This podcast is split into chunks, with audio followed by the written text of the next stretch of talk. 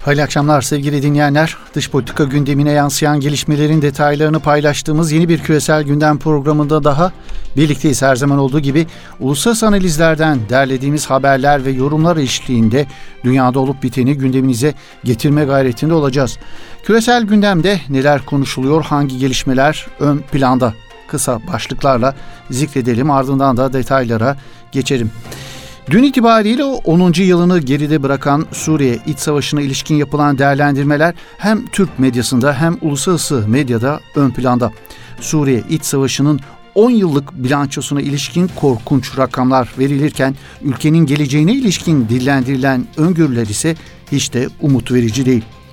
Yunanistan'ın Doğu Akdeniz merkezli tahrikleri sürüyor. Atina yönetimi Türkiye ile problemli ülkelerin katılımıyla gerçekleştirdiği tatbikatlarla sözüm ona Türkiye üzerinde baskı oluşturmaya çalışıyor. Katolik Kilisesi'nin merkezi Vatikan'ın sapkın LBGT çevrelerini kızdıran fetvası dış politika gündeminin dikkat çeken haberler arasında. Brexit'in ardından şimdi de Fransızlar Frexit'i tartışıyor. İngiltere'nin Avrupa Birliği'nden ayrılmasının ardından Avrupa Birliği içerisinde bulunan Fransa'da da koronavirüs süreciyle birlikte ayrılma tartışmaları yeniden gündemde.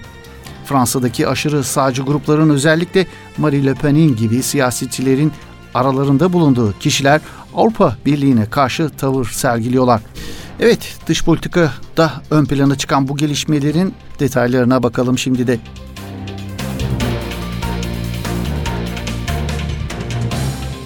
Suriye'deki dram 10. yılını da geride bıraktı. 15 Mart 2011'de başlayan Suriye'deki iç savaş 11. yılına girerken dünya Beşar Esed rejimi ve destekçilerinin neden olduğu insanlık dramının bilançosuyla meşgul olmaktan öte bir şey yapmıyor ne yazık ki. 10 yıldır katil bir rejim ve onun destekçilerinin öldürdüğü, işkenceden geçirdiği, mülteci durumuna düşürdüğü milyonların dramını konuşuyor sadece uluslararası toplum. Her şey 15 Mart 2011'de ülkenin güneyindeki Dera ilinde bir grup öğrencinin okul duvarına Beşar Esed'i kastederek ''Ey doktor şimdi sıra sana geldi'' yazmasıyla başlamıştı. O günden bu yana geçen 10 yıl ise geride kalmış, yıkılmış bir ülke, on binlerce ölü ve yerlerinden, yurtlarından edilmiş milyonlara bıraktığı sevgili dinlerler.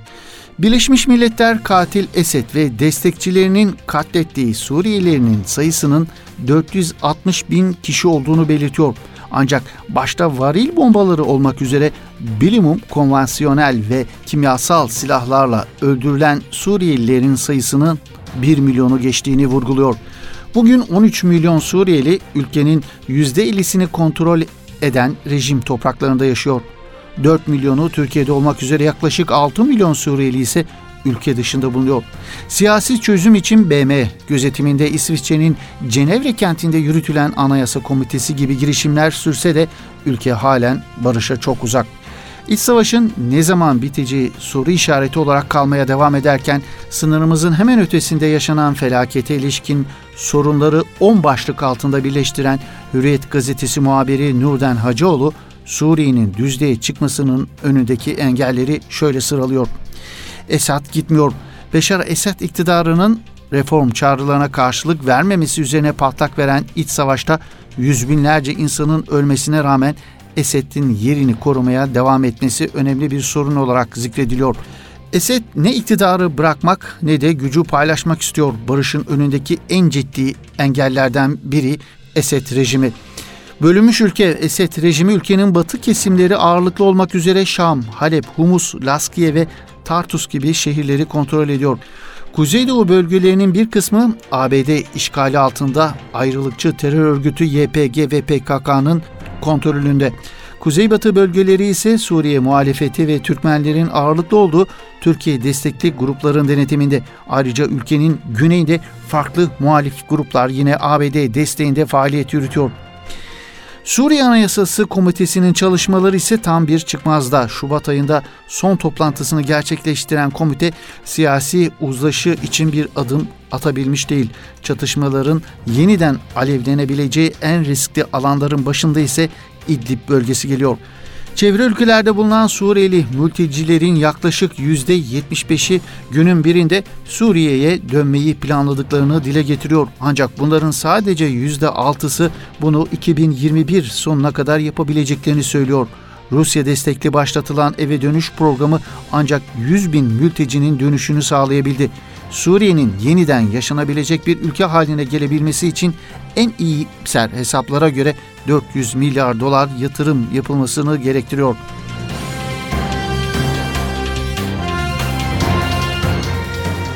Rusya'nın rolü Rusya-Suriye iç savaşına 30 Eylül 2015 tarihinde Şam rejimi lehine müdahalede bulundu. İran ile Rusya arasında varılan gizli anlaşmayla hava sahasını Rusya, karadaki cepheyi İran milisleri kontrol edecekti. Rusya'nın şu anda bir numaralı hedefi Suriye'deki ABD varlığına son verecek ortamı hazırlamak. ABD'nin rolüne gelinecek olunursa yeni ABD Başkanı Joe Biden'ın izleyici Suriye politikası Amerika ve Rusya'daki siyasi uzmanlar tarafından henüz belirlenmemiş olarak tanımlanıyor. Beklenti ABD'nin Suriye'deki petrol yataklarının %80'lik bölümünü kontrol altında tutmak için asker bulundurmayı ve rejime yönelik yaptırımları sürdüreceği yönünde. ABD'nin İsrail ile birlikte Suriye'deki İran varlığına karşı daha ciddi tavır takınması da bekleniyor. Biden yönetiminin Suriye'den uzak durdurduğunu göstermeye çalışarak diğer dış oyuncuları birbirine düşürme taktiği ise muhtemel en tehlikeli gelişme olarak değerlendiriliyor. Rusya'daki yorumculara göre Ankara ve Moskova açısından en büyük sınav İdlib bölgesinde verilebilir. Suriye satrancında takip edilmesi gereken en önemli noktalardan biri de Biden yönetiminin Tahran ile başlatmayı düşündüğü yeni süreç.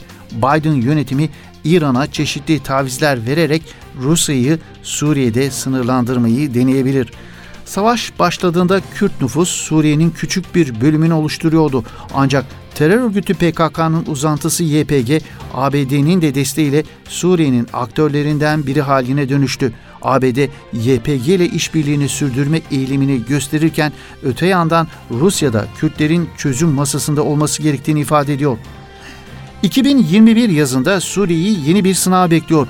Ülkede oy kullanacak vatandaş sayısı yarı yarıya azalmış olmasına rağmen Esed yönetimi sadece kendisinin organize edeceği bir başkanlık seçimini gerçekleştirmek istiyor. Suriye muhalefeti ise Esed'in yaptığı bu hazırlığı kışkırtıcı olmakla tanımlayarak sonuçları tanımayacağını şimdiden ilan etti. Bu arada ABD, İngiltere, Fransa ve Almanya Dışişleri Bakanlığı tarafından Suriye İç Savaşı'nın 10. yılı dolayısıyla yaptıkları ortak açıklamada 10 yıllık savaşta çekilen acıların sorumlusunun Esed rejimi ve onu destekleyenler olduğu belirtildi. Bu yıl yapılacağı teklif edilen Suriye Cumhurbaşkanlığı seçimi ne serbest ne adil ne de Suriye rejiminin uluslararası anlamda normalleşmesi için herhangi bir adıma yol açacak değildir deniliyor söz konusu açıklamada.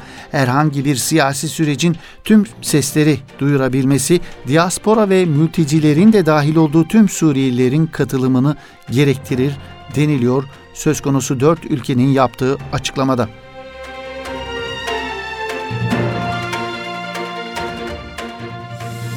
Evet Suriye'deki 10. yılını geride bırakan dramın ardından geçiyoruz.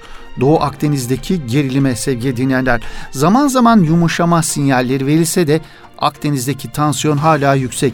Atina yönetimi bu tansiyonun düşmemesi için adeta yoğun bir çaba içerisinde. Yunanistan bir taraftan Türkiye'nin dibindeki adaları hukuksuz bir biçimde silahlandırırken bir taraftan da ardı ardına tatbikatlar gerçekleştiriyor. Yunanistan, Güney Kıbrıs Rum yönetimi ve İsrail'in Türkiye'nin Doğu Akdeniz'deki kıta sahanlığından elektrik kablosu geçirilmesi konusunda anlaşması Akdeniz'deki gerginliği artıran yeni bir hamle oldu. Türkiye Doğu Akdeniz'deki kıta sahanlığından geçen sualtı elektrik kablosu nedeniyle izninin alınmamasını gerekçe göstererek Yunanistan, İsrail ve Avrupa Birliği'ne nota verdi. Yunanistan Doğu Akdeniz'de Fransa, ABD ve Birleşik Arap Emirlikleri'nin ardından şimdi de Suudi Arabistan'la ortak tatbikat yapması gündemin dikkat çeken gelişmeleri arasında yer alıyor. Ankara ile Riyad arasındaki gerilimde bir yumuşamanın olup olmayacağının konuşulduğu bir dönemde hatta Suudi Arabistan'ın Yemen'de Türk sihalarını kullanmaya başladığı haberlerinin Arap medyasında dilendirildiği bir süreçte Riyad'ın Atina'nın yanında yer alarak tatbikatlara katılması, Türkiye'ye nasıl bir mesaj vermeye çalıştığı e, soruları gündeme getiriliyor ve tartışılıyor. Yunanistan Genelkurmay Başkanlığı'nın internet sitesinde yer alan açıklamada bugün başlayan tatbikatın yaklaşık iki hafta süreceği hava üstünlüğü tatbikatı ve kara ve denizdeki hedeflerin vurulması eğitiminin yapılacağı belirtiliyor ve Riyad ve Atina arasındaki askeri işbirliğinin bundan sonraki süreçte de devam edeceği vurgulanıyor Yunan medyasına yansıyan haberler arasında. Yunan basını Atina'dan bir heyetin Nisan ayında Riyad'a bir ziyaret düzenleyeceği ve bu ziyarette iki ülke arasında hava savunma işbirliğinin geliştirilmesinin gündemde olacağı belirtiliyor.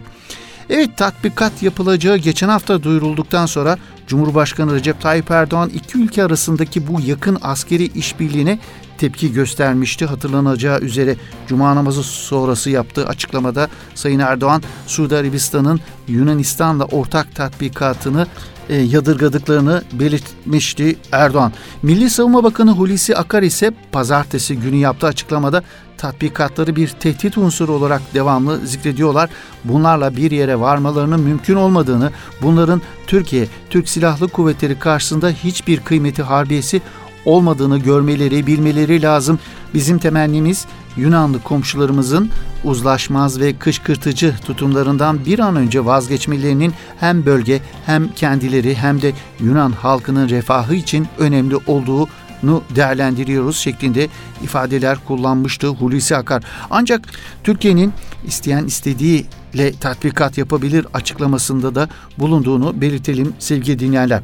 Evet Suudi Arabistan uçaklarının Yunanistan'ın gerçekleştirdiği tatbikata katılmaları Arap medyasının da gündeminde bir hali yer buluyor sevgili dinleyenler. Özellikle sosyal medyadaki değerlendirmelerde Riyad yönetiminin bu tatbikata katılmasının arkasındaki niyet sorgulanıyor.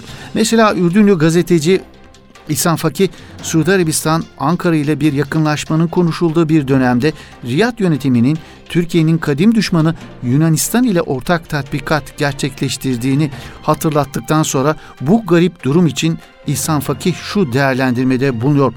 Öyle anlaşılıyor ki Suudi Arabistan, Birleşik Arap Emirlikleri ve Mısır Türkiye ile yakınlaşma meselesinin konuşulduğu bir dönemde ortak pozisyon belirlemeye çalışıyorlar. Ürdünlü yazar bu noktada bu ülkeleri uyararak Türkiye ile ilişkileri düzeltme gibi tarihi bir fırsatın heba edilmemesi gerektiğini ancak bu ülkelerin bu önemli fırsatı kaçırabilecekleri uyarısında bulunuyor.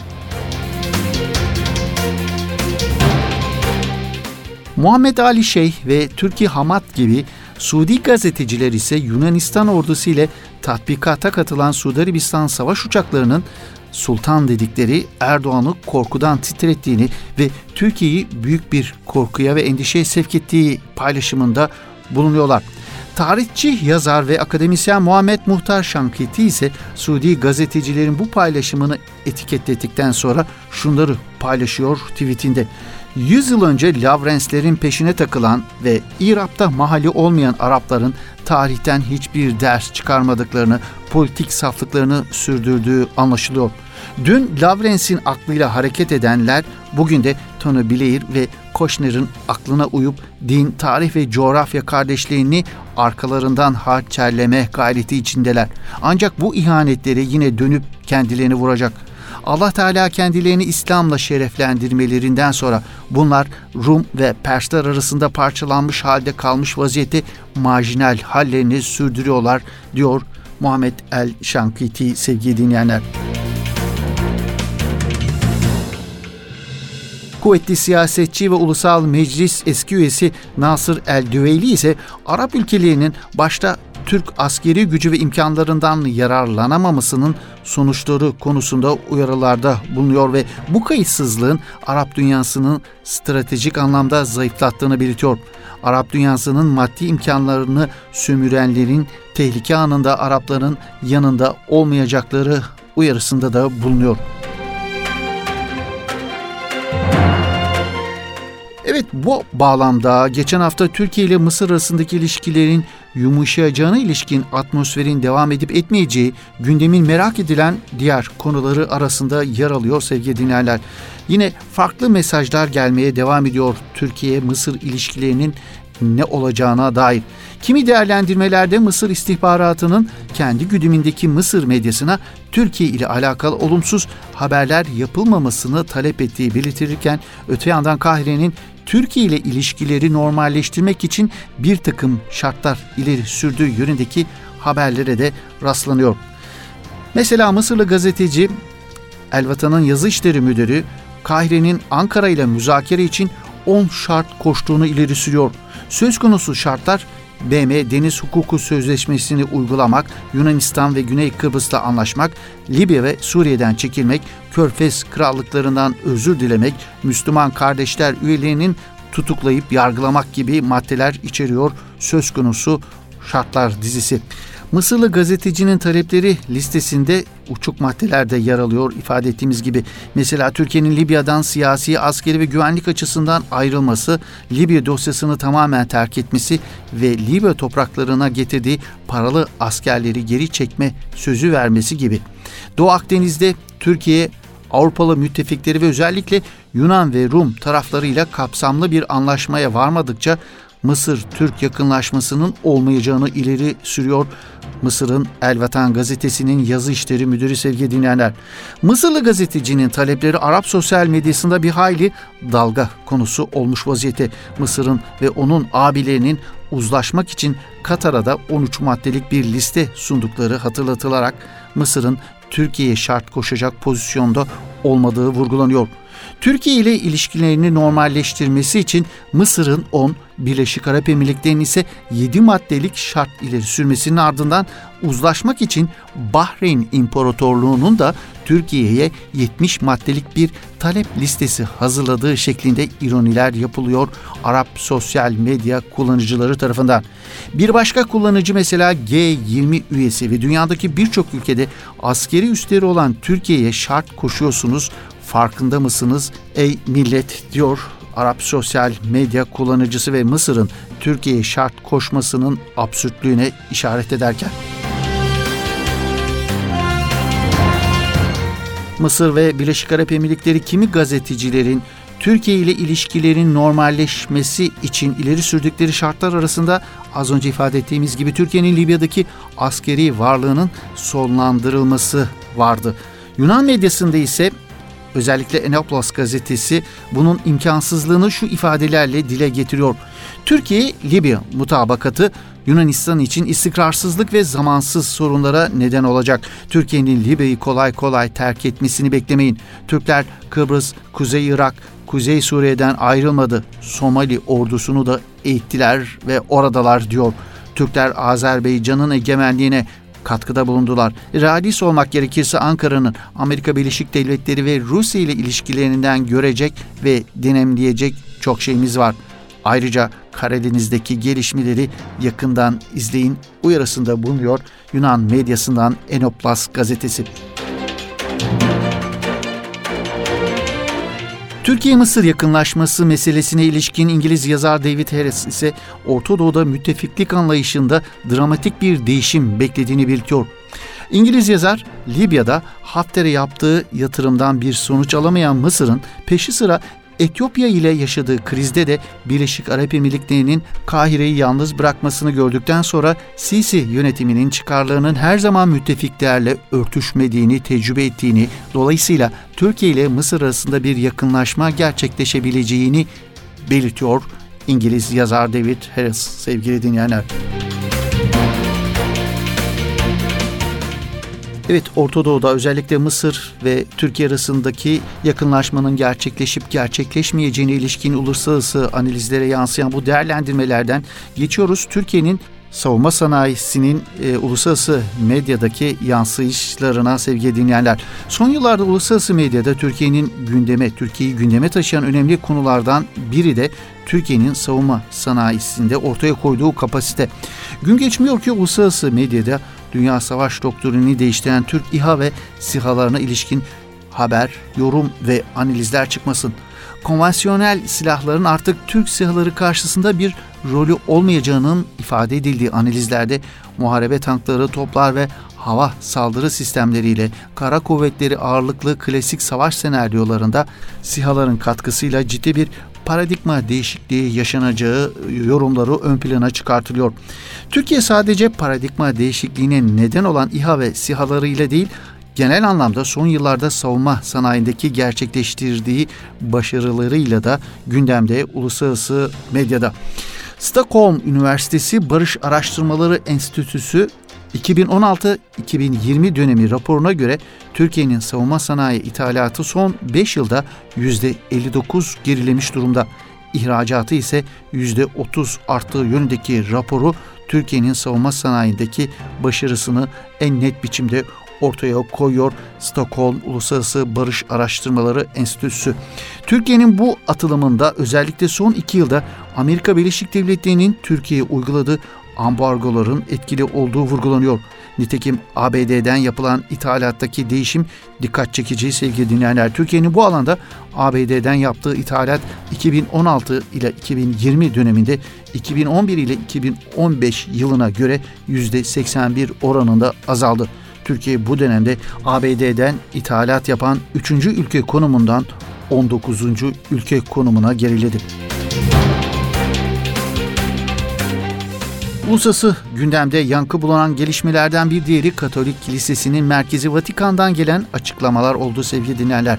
Vatikan'ın eşcinsel birliktelikleri kutsamayacağını ve bunu yasal kabul etmeyeceğini açıklaması pek çok çevre için şaşırtıcı gelse de LGBT çevrelerinde şok etkisi yaptığı söylenebilir. Söz konusu karar hakkında Katoliklerin ruhani lideri Papa Francisco'ya da bilgi verildiği ifade edilen açıklamada Papa'nın kendisinin de bu kararı onayladığı aktarılıyor. Açıklamada bu kararın bir ayrımcılık olmadığı ve kişiler üzerinde bir yargı belirtmediği kaydediliyor. Vatikan Kilisesi'nden gelen bu açıklama birçok çevre için şaşırtıcı değil. Çünkü Vatikan'ın bu sapkınlığın yayılmasındaki rolüne sıklıkla atıfta bulunuyor sevgili dinleyenler. Dünyanın birçok kilisesinde patlak veren çocuk istismarı karşısında ciddi hiçbir adım atmayan Vatikan Kilisesi'nin bu açıklaması samimi bulunmuyor. Samimi bulunmadı çünkü Papa Francisco daha geçen Ekim ayında İtalya'daki bir etkinlikte eşcinsel insanların bir aile içinde olmaya hakkı olduğunu, onların Tanrı'nın çocukları ve bir aileye sahip olma hakları olduğunu söylemiş.